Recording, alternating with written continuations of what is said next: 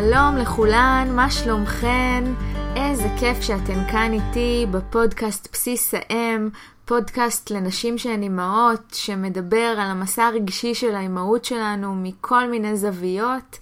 אה, והפעם נדבר קצת על הילדה הפנימית שלנו, וגם על מה אנחנו יכולות ללמוד מהילדים שלנו, שמחוברים לעצמם בצורה כל כך אינטואיטיבית, טבעית ויפה, על חיינו, אה, ואיך אנחנו יכולות לקחת מהם כלים להתחבר לעצמנו בצורה יותר מדויקת ויותר נוכחת.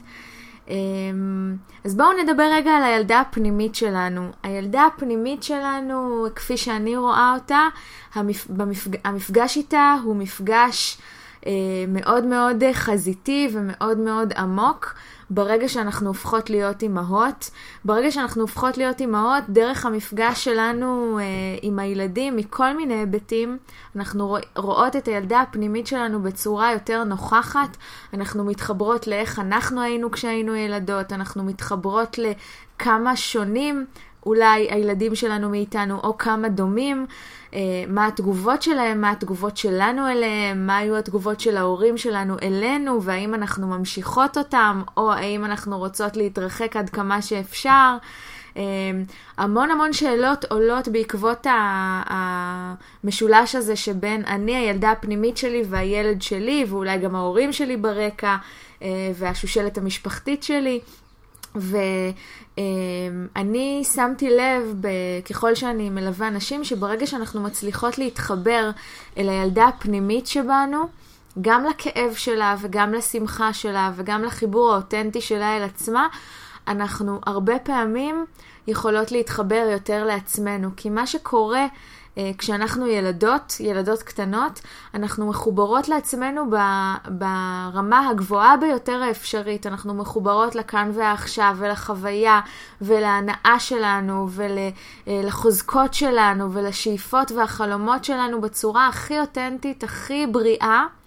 ומתישהו אנחנו, אנחנו גם לומדות את המשחק החברתי ואת זה שכדי להצטייר הילדה הטובה אני צריכה לרצות ואני צריכה להיות בסדר ואני צריכה לשבת בשקט בכיתה ואני צריכה לעשות שיעורי בית ואני צריכה אה, ללכת עם עגלה ובובה כי המהות העליונה שלי היא להיות אימא ואני צריכה להתחשב ואני צריכה לדאוג ואני צריכה לחייך כי מוכרחים להיות שמח ואני בטוחה שאתן יכולות להזדהות עם הצריכים האלה, עם המשחק החברתי הזה ומשהו בילדה הפנימית הפנימית שלי בעקבות המשחק החברתי הולך לאיבוד, או אני תופסת איזשהו שיפט לכיוון... אה, לכיוון אחר, לכיוון אה, יותר לחוץ, יותר קפוץ, יותר, אה, יותר מרוחק מהמהות הפנימית שלי.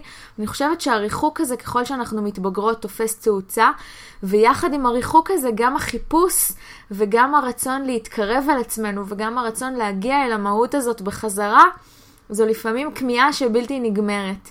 ו...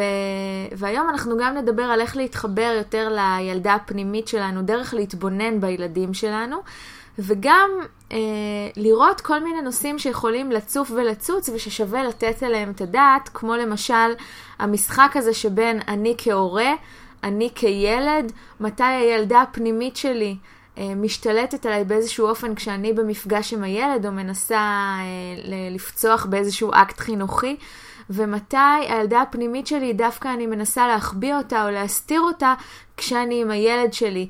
אה, כי לפעמים אני תופסת את עצמי כשאני בעמדת המחנכת. כשאני בעמדת המחנכת, הרבה פעמים אני מתרחקת מהמהות הזאת של הילדה הפנימית, כי הרבה פעמים אני אה, תופסת מין גלימה כזאת של להיות הדמות המחנכת, המבוגר האחראי, וזה הרבה פעמים מרחיק אותי מההשתובבות הפשוטה של אה, אה, לשכב על השטיח עם הילדות במלחמת דגדוגים או מלחמת כריות, אה, או כולנו אוכלים אה, פיצה לארוחת ערב, או לתת טיפה יותר ממתקים. אה, ואני הכי בעד שצריכים להיות אה, חוקים וגבולות, אבל הרבה פעמים כשאנחנו מדי נכנסות לדמות המחנכת, זה גורם לזה שאנחנו פחות יכולות להשתובב עם, ה, עם הילדים שלנו. אה, אז זה, זה ככה שנקל שלי לעניין הזה של החיבור לילדה הפנימית שלנו כהורים. אני שמה לב על עצמי שככל שאני מצליחה להתחבר למהות הזאת של הכאן והעכשיו וליהנות מהרגע, ככה זה הופך אותי לאימא יותר נוכחת. ופחות לדמות המחנכת הזאת שאני חושבת שאני צריכה להיות, שהיא גם סוג של משחק חברתי של הורים. יש את המשחק חברתי של, ה, של הילדים שהם לומדים לשחק בעולם הגדול, בעולם התרבותי, בעולם הסוציאלי. ויש את המשחק של ההורים, של להציב גבולות ולהיות אה, אה, להיות אולי אה, הדמות המחנכת הזאת, שכל אחת מאיתנו מדמיינת מהי. והרבה פעמים כשאנחנו מרפות ממנה קצת, אנחנו יכולות ללמוד שיש כל מיני דרכים להיות מחנכות ויש כל מיני דרכים להיות הורים, וכשאנחנו מחוברות יותר לילדה הפנימית שבנו, אנחנו יכולות יותר לתת מקום לשובבות ולכאן ועכשיו. אה, אז באמת הכלי הראשון שרציתי לדבר איתכן עליו הוא להיות בכאן ובעכשיו, להיות בהווה, ואני בתקופה האחרונה מוצאת את עצמי מתרגלת את זה יותר ויותר, וזה עושה דברים מדהימים. זה, זה ברמת ה... כשאני עם, ה, עם הילדה שלי ומשחקת, ואז פתאום אני מסתכלת על העיניים שלה ורואה כמה הן יפות. או פתאום יש לה איזשהו מהלך במשחק שאני חושבת לעצמי, וואי, כמה חכמה היא שהיא עושה בדיוק את המהלך הזה. או להתמקד בחיבוק ובמגע הידיים שלה על, ה, על האור שלי, או בריח של השיער שלה, כל הדברים האלה הם בכאן ובעכשיו, ואם אנחנו נתבונן בילדים שלנו, נראה שכל ההוויה שלהם, בטח ככל שהם צעירים, היא בכאן ובעכשיו. וככל שאני בכאן ובעכשיו, זה הופך אותי ליותר אמיצה, לא, אה, לאישה שמעיזה יותר, כי שימו לב נניח לילד שמתחיל ללכת, זו, זו דרך שיכולה להיות מאוד מתסכלת, לחוות כמאוד מתסכלת מבחוץ. אנחנו מתרוממים, קמים, מתרוממים, קמים, מתרוממים, קמים, ושימו לב שהילד יש בו drive לעשות את התנועה הזאת של לקום וליפול, לקום וליפול, לקום וליפול. לא בטוח שאדם מבוגר, נסו רגע לחשוב על איזשהו תרגול, נניח אם אנחנו היינו מתחילים ללכת עכשיו, עם כל המסע הכבד שאנחנו סוחבות עלינו, לא בטוח שהיינו ממשיכות לנסות ללכת, וזה יכול להיות אקוויוולנטי להמון המון פרויקטים בחיים שלנו שאנחנו מתחילות ונופלות וקמות ונופלות וקמות, ובסופו של דבר נמנעות. לילדים צעירים אין את, ה, אין את הדבר הזה. הם נופלים וקמים ונופלים וקמים, ובסוף הם הולכים בצורה יציבה, ואין דבר יותר מרגש מלראות ילד שהולך בצורה, בצורה יציבה, והרבה פעמים גם מתסכל וגם משעשע לראות אותם נופלים, נופלים וקלים, אבל הם, עם כל התסכול שיש בחוויה הזאת, זה רק מדרבן אותם עוד יותר ועוד יותר, בזכות זה שהם באופן טבעי כל כך מתמסרים לחוויה, ויש בהם איזושהי, אה, כמו ידיעה פנימית שהם יצליחו, שמובילה אותם, ו- והדבר הזה הוא, הוא ממש אפשר ללמוד מהם ולקחת. יש uh, תורה שנקראת מיינדפולנס, שאני בטוחה שאתן מכירות, של להיות בכאן ובעכשיו.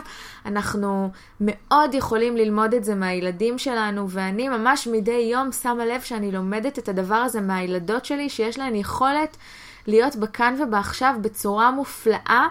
ואני ממש ממש מתאמצת ומנסה לא לקלקל להן את זה, כי זאת יכולת נהדרת שיש לנו אותה באופן טבעי, ומיינדפולנס לא היה צובר כל כך הרבה תאוצה אם לא היינו מתרחקות מזה ככל שאנחנו מתבגרות. אה, אז זה, זה הכלי הראשון, להיות בהווה. הכלי השני שהייתי רוצה לדבר עליו הוא קו דמיוני. זוכרות שהרבה פעמים כשהיינו בכיתה היינו uh, משרטטות קו במרכז השולחן, אפילו מיטיבי לכת היו משאירות מקום למחק, uh, ובעצם הסימון הזה אני מסמנת לעצמי מרחב וטריטוריה ואני אומרת זה המרחב שלי, זה המרחב שלך, אתה לא גולש למרחב שלי ואני לא גולשת למרחב שלך. הרבה פעמים אה, בבגרותנו אנחנו מתקשות לעשות את הגבולות האלה, מה שילדים באופן אה, כל כך טבעי עושים גם במשחק באוהל וגם כשהם מכסים את עצמם בשמיכה אה, ככה מעל הראש, הם יוצאים, יוצרים לעצמם מרחב, יוצרים לעצמם מתחם של חופש, של דמיון, של, של מקום להיות עצמם, ו, ואני מזמינה את כולנו ליצור לעצמנו מרחבים כאלה, גם דמיוניים וגם מוחשיים, ליצור לעצמנו את החדר החדר משלנו הזה שאנחנו יכולות להיות משוחררות בו, שאנחנו יכולות להיות עצמנו, זה יכול להיות כתיבה, וזה יכול להיות uh, במפגש שלי עם חברה, וזה יכול להיות איזשהו חדר שאני יודעת שאני סוגרת את הדלת בו, אז אני, אני לבד עם עצמי, ויכולה להיות משוחררת, ויכולה לשים לי מוזיקה ולרקוד כאילו אף אחד לא רואה. וגם יש את ההיבט של מערכות יחסים, של הרבה פעמים אנחנו מדברות וביקורת של אחרים או מילים דוקרות של אחרים נכנסות פנימה. והרבה פעמים אני מוצאת את עצמי מדמיינת קו דמיוני ביני לבינם. זה לא הופך את המילים הכואבות שמגיעות אליי לפחות כואבות, אבל זה כן גורם לי לבחור, ליצור איזושהי סיטואציה של בחירה, מה אני לוקחת פנימה ומה אני לא לוקחת פנימה. וברגע שיש את העצירה הזאת ואני מדמיינת את הקו הדמיוני ואני מדמיינת מה נכנס אליי פנימה ומה לא, יש בהיבט הזה המון המון בחירה ואיזושהי אמירה שהמרחב שלי ברשותי כמו הגוף שלי ברשותי. ואני עכשיו מסמנת את הקו ובוחרת האם אני לוקחת על עצמי את מה שאתה אומר ולוקחת אחריות, או האם זה לא מדויק לי ואני מחזירה את, את המילים שאמרת אליך אה, בדמיון או במציאות, ו, וזה עושה שקט פנימי הרבה יותר, אה, בעוצמה הרבה יותר גדולה. אה, הדבר השלישי הוא העניין של doing ו-being, העניין של הוויה ועשייה, שילדים הרבה פעמים, ככל שהם צעירים, אה, זה, זה הולך לאיבוד בגיל יחסית צעיר, אבל כשהם צעירים ורקים, הם יכולים להתמסר לשעמום ולמנוחה. הם יכולים רגע לעצור, ומתוך השעמום הם בונים לעצמם, בוראים לעצמם הרבה מרחבים והרבה משחקים שאולי לא היינו חושבים עליהם. חוקים חדשים למשחקים, ויצירה, ומשחקי דמיון. מתוך השעמום והעצירה נוצרת העשייה הכי יצירתית.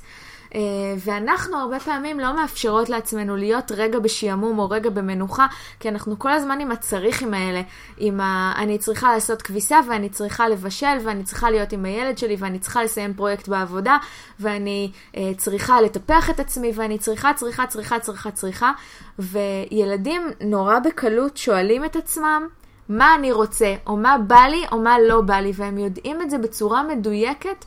והדרך לשם היא דרך להגיע לתוך מקום של שעמום, מתוך מקום של חוסר עשייה ו- ועצירה, וזה מאפשר לעצמנו חיבור יותר אותנטי, יותר כנה לעצמנו, למאוויים שלנו, לתשוקות שלנו, לחוזקות שלנו, מאשר לאוטומטים של הצריכים.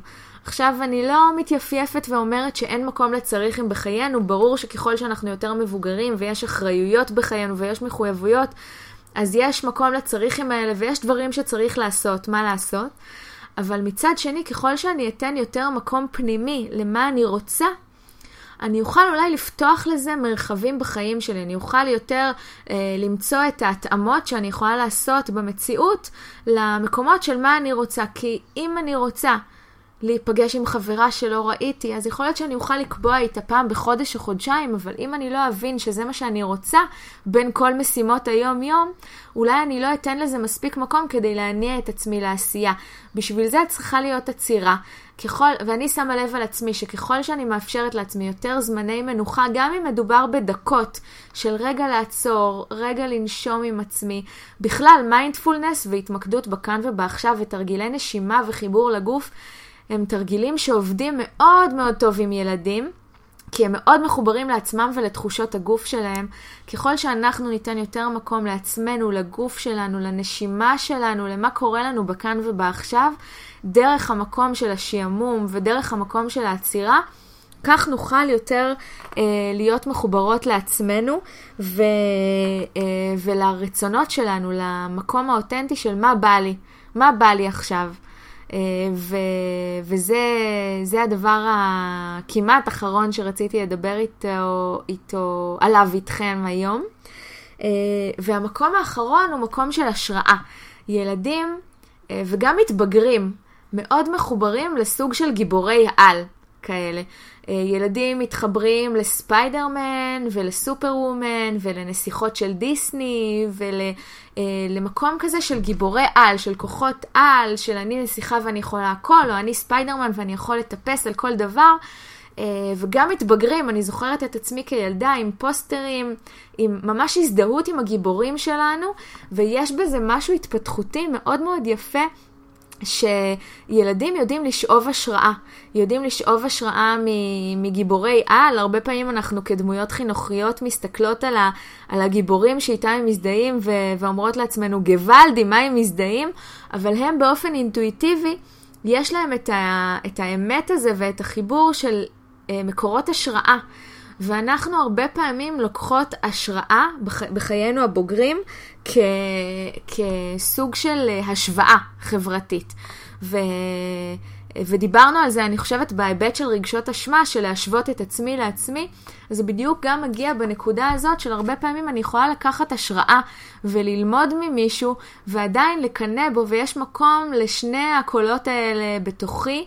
אה, מה שהרבה פעמים ילדים לוקחים את זה או למקום של קנאה, או למקום של השוואה, או למקום של השראה. אה, גיבורי על, שימו לב שכשילד מזדהה, הרבה פעמים עם ספיידרמן, אנחנו לא שומעות הרבה פעמים את המקום הזה של הקנאה, כי הוא לגמרי שואב ממנו השראה, והוא יתחיל לטפס בבית, והוא ירגיש שהוא יכול, ומתוך ההשראה הזאת הוא ירגיש איזושהי תחושה של מסוגלות.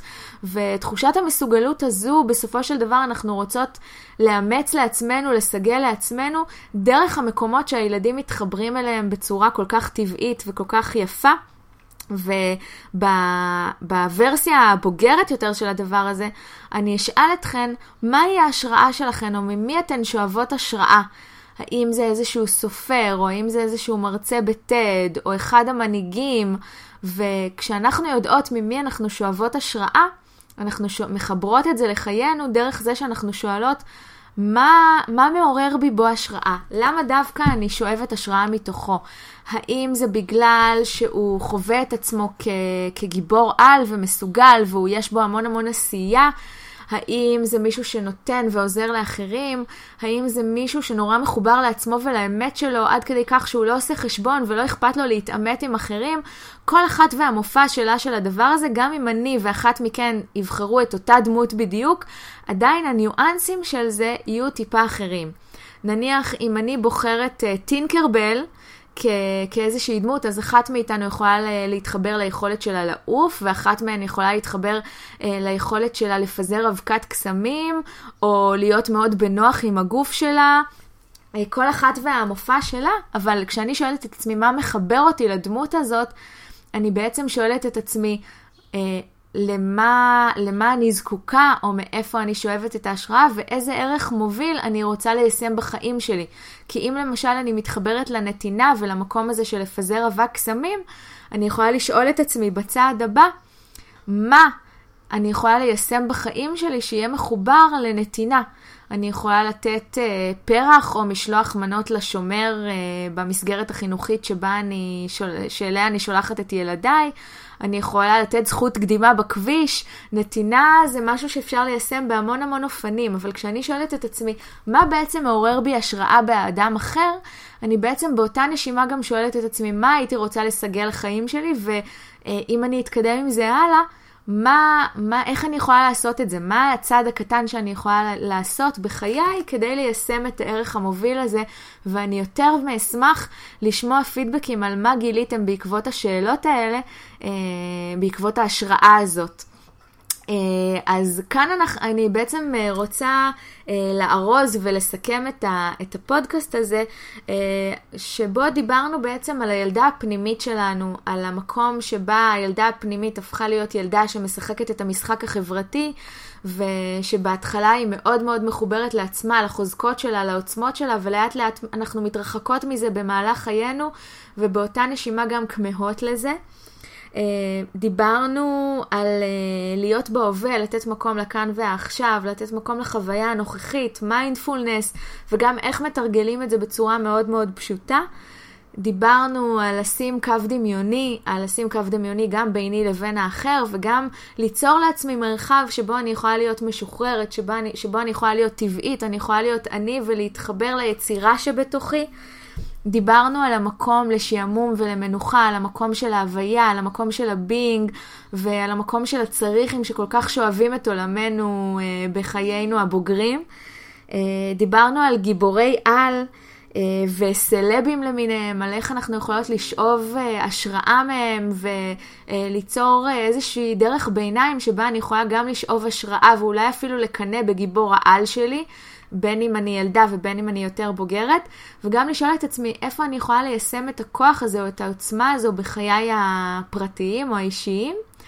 וכמובן המקום הזה של הבא לי לא בא לי, של כל רשימת הצריכים והמטלות הזאת שאנחנו, שאנחנו שוקעות לתוכה הרבה פעמים, וכל כך בקלות, ואיך אנחנו יכולות לשאול את עצמנו מדי פעם מה אני רוצה ומה בא לי, ולעשות עם הרצון הזה התאמה לחיינו וליצור רגעים של התחברות לרצון ולהתחברות למה בא לי, או לחילופין למה לא מדויק לי ולמה לא בא לי, ואולי איפה אני יכולה לשחרר מטלה שלא מדויק לי ולא בא לי לעשות, כי אני מזהה שרשימת הצריך היא מצליפה בי, ואולי לא בא לי באמת לעשות את זה.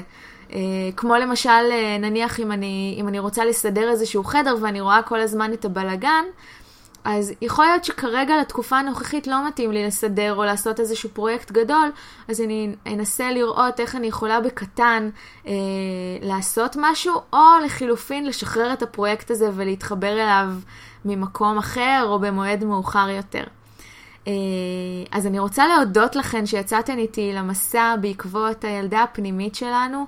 יכול להיות שיהיה עוד פודקאסט בנושא הזה אה, שמשיק לתחילת הפרק שלנו, לא למה אנחנו יכולות ללמוד מהילדה הפנימית או מהילדים שלנו, יותר למקומות העמוקים, הפסיכולוגיים של הילדה הפנימית. אפשר לעשות על זה הרבה הרבה פרקים אה, ולכתוב על זה המון המון דברים.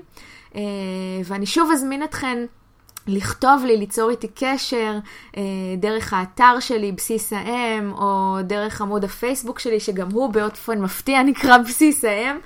אה, אם יש עוד נושאים שהייתן רוצות לשמוע עליהם, אם יש אה, שיתופים שהייתן רוצות לשתף אותי גם על הילדה הפנימית וגם בכלל, אה, ולהודות לכן על זה שאתן עוקבות, על זה שאתן מגיבות, על זה שאתן משתתפות, זה מאוד מחמם את הלב לדעת ש... שאני לא לבד בקיץ של אביה, אלא שאתן איתי. ואני מאחלת לכן המשך חיבור לילדה הפנימית שלכן, לילדים שלכן ממקום אחר. ושולחת חיבוק גדול. ביי ביי.